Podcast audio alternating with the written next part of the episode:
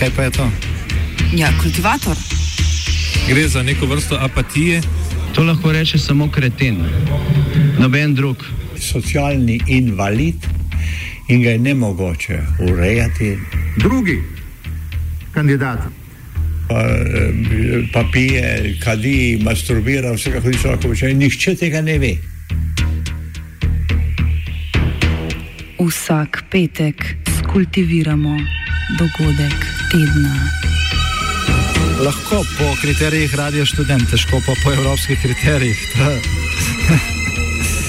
Ampak na drug način, kot vi to mislite. Kultivator vedno užge. Da pač nekdo sploh omenja probleme, ki so, in da pravzaprav sploh nekdo sproži dogajanje uh, v družbi. To drži, drži.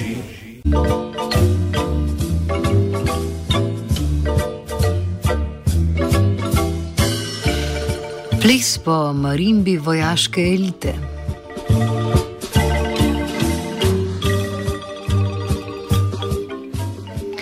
Guatemalski predsedniški stolček je včeraj tudi uradno zasedel zmagovalec oktobrskih volitev Jimmy Morales.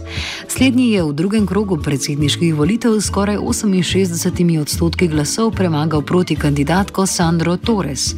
Zaradi predsedniškega sistema, ki ga ima Guatemala, je Morales v roke dobil vplivno funkcijo. Današnji kultivator tako namenjamo njemu in širši politični situaciji v državi.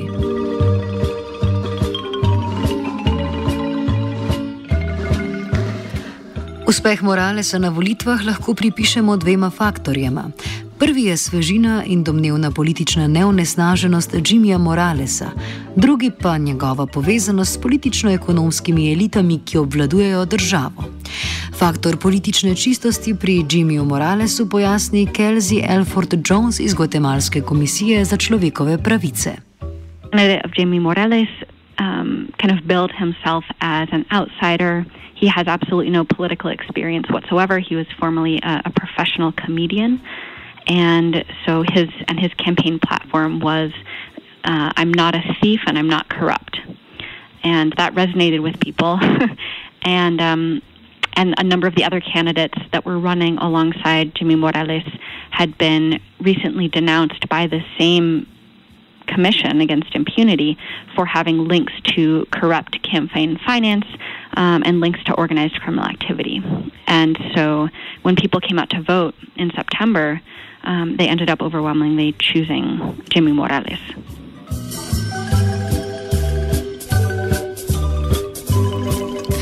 Patološka nagnjenost voljivcev k kandidatom brez politične preteklosti je zgodovinsko gledano veliko krat posledica korupcijskega škandala. V primeru Guatemale govorimo o korupcijskem bremenu septembra odstopljenega predsednika Ota Pereza Moline. Potek dogodkov opiše Alfred Jones. The Guatemalan public knew or had a general sense uh, that there was uh, a lot of corruption happening in different Guatemalan ministries uh, because of things like uh, the health crisis that happened uh, last year in Guatemala, in which the hospitals didn't have any money to pay for medicines and, and other things like that, that gave people a sense that uh, the government uh, was not properly utilizing public funds. Um, and in the spring of 2015, there was a uh, an important decision that came to the president's desk, which was whether or not to extend the mandate of a UN backed uh, body called the Commission Against Impunity.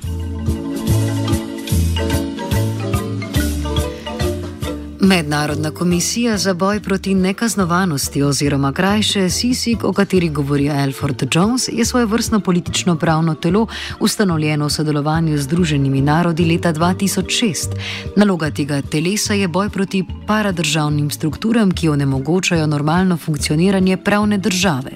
Perez Molina je naposled telesu podaljšal mandat, kar se je stališče njegove politične karijere izkazalo za slabo odločitev. The CICIG, this international commission, proceeded then to um, continue publishing some extremely um, large investigations into corruption in the government. And so, over the next from you know April until September, um, the there were investigations into corruption networks in a number of different Guatemalan ministries, into the um, activities of the president and the vice president, and these investigations um, caused uh, kind of weekly protests in the Guatemalan public, um, led to the the resignation of the vice president in April. And finally, after weeks and weeks and weeks of protests and a lot of pressure, it led to the resignation of the president before the end of his term in September of, of 2015. Drugi faktor izvolitve je paradoksalna povezava novega obraza Jimmyja Moralesa s političnimi omrežji, ki državo že obvladujejo. Povezavo pojasni Graham Russell iz Rights Action, Združenja za človekove pravice v Srednji Ameriki. There's no question that he was brought forward by um, the military elites, uh, generals and former generals of the Guatemalan military. That are that have links to the economic elites and to organized crime. They are the ones that formed this new party, the FCN, the the National Convergence Front, and they are the ones that picked Jimmy Morales to be the presidential candidate. And then, because the electoral system is so corrupted and dominated by the elite sectors, uh, Jimmy Morales and the in this this military-backed party, the FCN, easily won the elections. But you can't really call them democratic elections.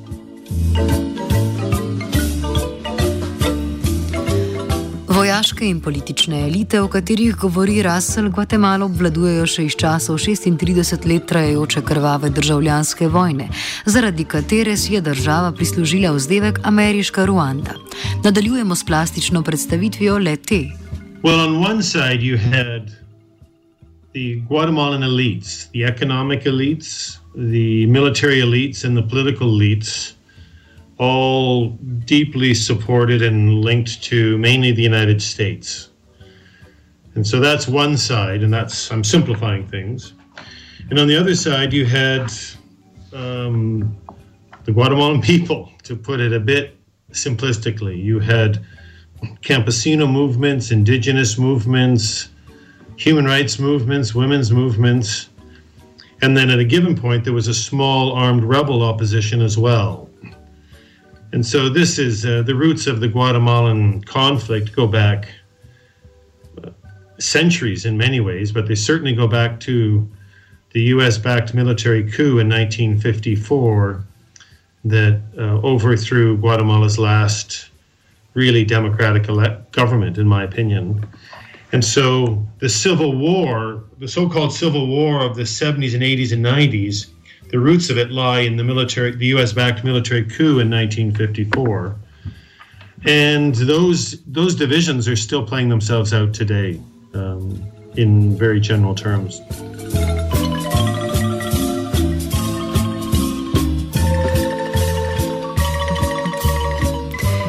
O posledicah grozot državljanske vojne za današnjo politično sliko Gvatemale spregovori Alfred Jones. Armed conflict in Guatemala continues to be one of the defining factors of, of political uh, discussion and political life in Guatemala. The war was uh, incredibly destructive uh, for the entire population. Um, it was a 36 year long war in which the Guatemalan government and the Guatemalan military carried out extensive atrocities against the civilian population. Um, and a, a, later UN kind of truth report found that the, the government was responsible for approximately 93% of the human rights violations. And 83% of those were committed against the indigenous population, the Mayan population in Guatemala, um, which continues to be the majority of the population, and also a population that, for the most part, has um, been excluded from from political power, um, that suffers from kind of dramatic racism in Guatemala, and that continues to also uh, suffer from a lack of access to justice for that for those crimes in the past. And since the signing of the peace accords in, in 1996, there has been an immense effort among civil society, um, indigenous communities, human rights organizations, as well as the international community to investigate and prosecute the serious crimes that were committed. And this includes um, you know, hundreds of massacres that were committed against civilian populations, uh, widespread use of torture, widespread use of sexual violence, um, an estimated 45,000 forced disappearances. And, and so these, these tremendous crimes, uh, for the most part, uh, were not prosecuted. There was um, almost 99% impunity.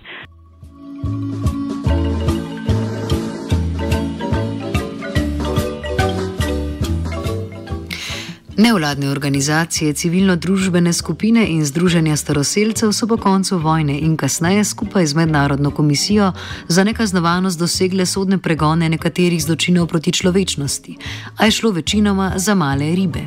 Prvi večji primer je primer Efrain Riosa Monta. Rios Mont was a former CIA um, asset. He was trained in the the um, U.S. military training schools in the School of the Americas and was a longtime ally. And he oversaw, he was one of the generals that oversaw the very worst years of Guatemala's massacres, disappearances, and, and genocide. And this in, in this amazing trial, he was found guilty in 2013 of genocide. That that con- guilty conviction was almost immediately overturned by this very corrupted constitutional court. And so the trial still goes on today. So even though Rios Montt is living at home, he is still the trial against him continues. But to date, that was the o- that was really the only case where the highest ranking officers, generals and lieutenants and uh, sub generals, were um, charged with war crimes um, cases until last week. Last week, 18 high ranking military officers um, were arrested and, and arrested. They're actually arrested and detained. And they're, they're charged with very, very serious war crimes charges, including disappearances, massacres, assassinations, and the like. So, this latest um, uh, de- detention, arrest and detention of 18 high ranking military officers is very empowering. It's a very positive step, even though the new president is coming in completely backed by uh, the former military themselves. Uh, the country's in a very extraordinary uh, uh, situation of political tension.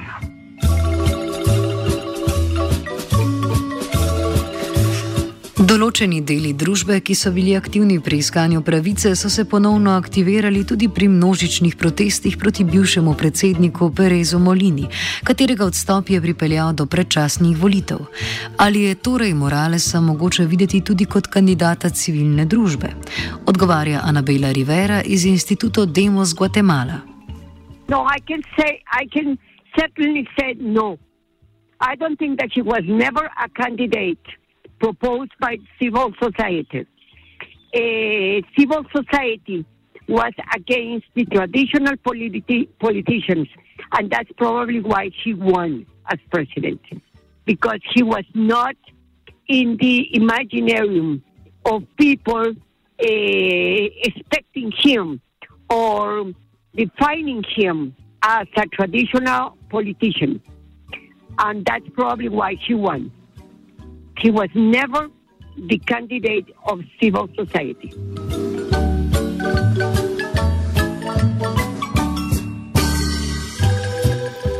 Edina resna alternativa Jimmyju Moralesu je bila Sandra Torres, a tudi nje ne moremo videti kot kandidatke progresivnih delov družbe.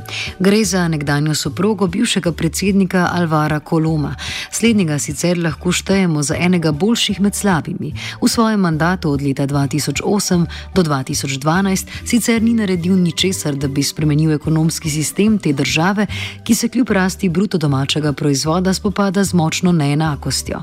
Njegova prednost prednost leži v neaktivnosti, ni namreč storil ničesar, kar bi overalo delo pogumnejših sodnikov in mednarodne komisije. Pogled na stanje postavlja vprašanje o prisotnosti progresivnih sil.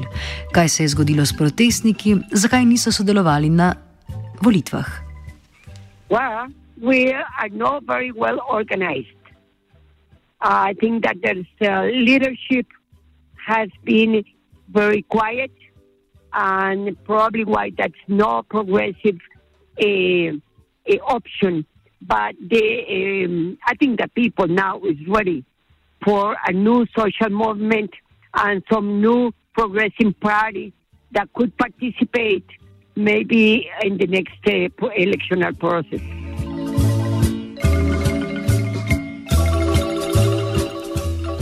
Russell nezmožnost pretvarjanja ostajniškega potencijala v etablirano politično silo pripisuje zgodovinskim razlogom. Državljanska vojna naj bi namreč popolnoma uničila civilno-družbene vzvode.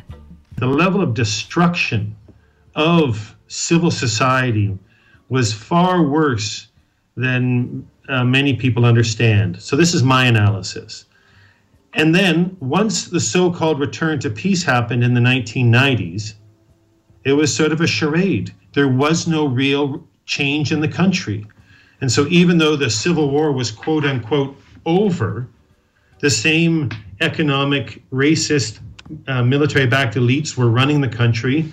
They've still been used on behalf of, of international mining companies, on behalf of producers of African palm and sugarcane, on behalf of the construction companies that make hydroelectric dams.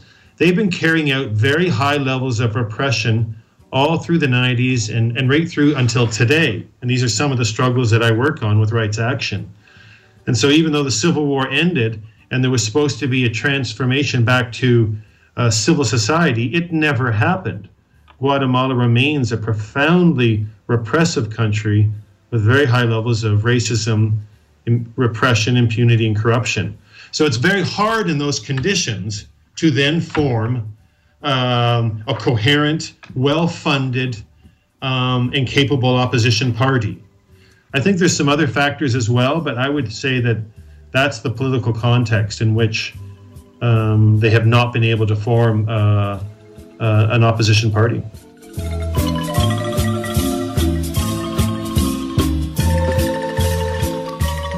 A vrnimo se k novo ustoličenemu predsedniku.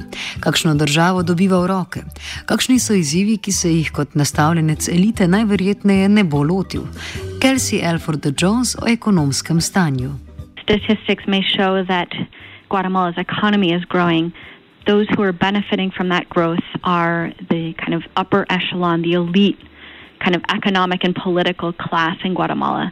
It's a very small group of people that, for many, many years, um, have held a monopoly of power, whereas the majority of the population continues to live in poverty.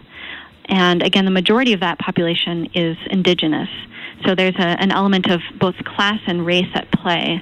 Um, and unfortunately, at the the industries that are growing in Guatemala are industries that have been incredibly harmful, um, particularly to indigenous communities.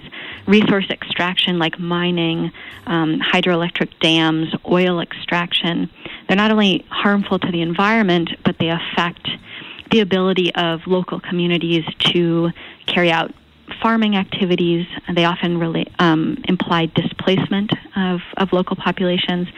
They don't offer a lot of jobs to the community, um, and then they leave uh, when you know when the mine closes or the dam closes. They leave behind uh, kind of economic or sorry um, environmental destruction. So they've been incredibly controversial.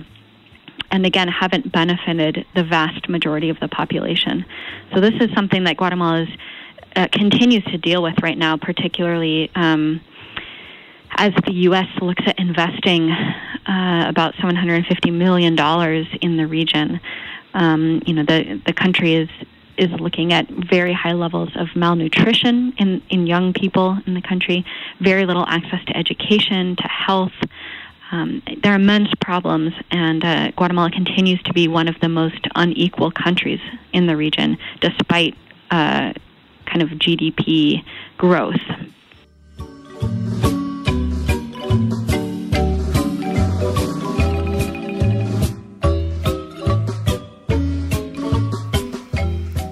Anabela Rivera o dveh ključnih točkah, ki jih mora nasloviti Morales. Poverty, security, and uh, his national budget.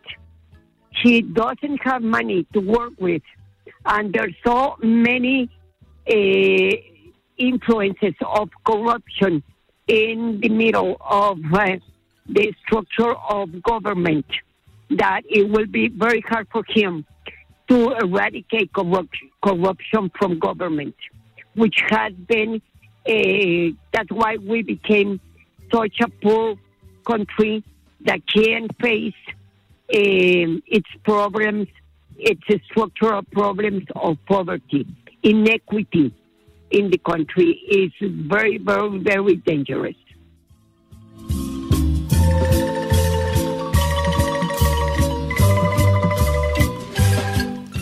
Situacijo v Gvatemali primerja z drugimi državami v Srednji Ameriki. The situation in Guatemala is um, has its own characteristics, but it's not unique. Uh, there's similar situations going on still, unfortunately, in other Latin American countries like Haiti, Honduras, El Salvador, Mexico in its own way. These are deeply entrenched and deeply historically rooted problems of racism, exploitation, state repression, corporate repression, and violence um, that are kept in place um, by corruption and impunity. And the international community has a lot to do with it. The World Bank and the Inter American Development Bank happily do business in all these countries. Global companies, mining, uh, maquiladora sweatshop companies, hydroelectric dam companies, oil and gas companies happily do business in all of these countries. And the international community is the one that's empowering these very unjust and undemocratic governments.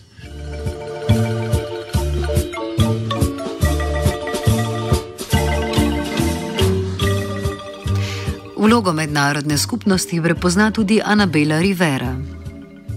I think it's important that the international community and also media and um, people that can listen to us out of the country can understand what is happening in Guatemala. We really need to work a lot against corruption, and we really need all kind of help from anywhere for, to uh, combat corruption and uh, have uh, better authorities, clean authorities, and that's what we'll be demanding from this new president and his team.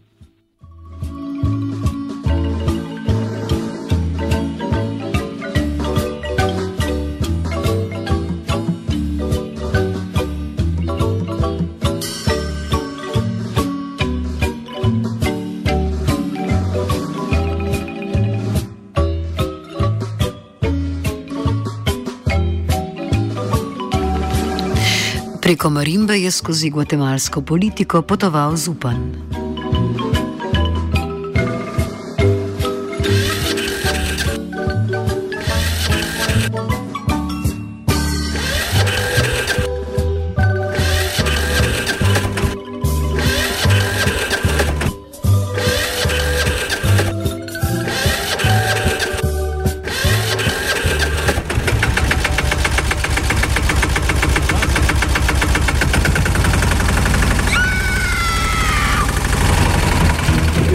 E, kaj pa je to? Ja, kultivator. Gre za neko vrsto apatije. To lahko reče samo kreten, noben drug. Socialni invalid in ga je ne mogoče urejati.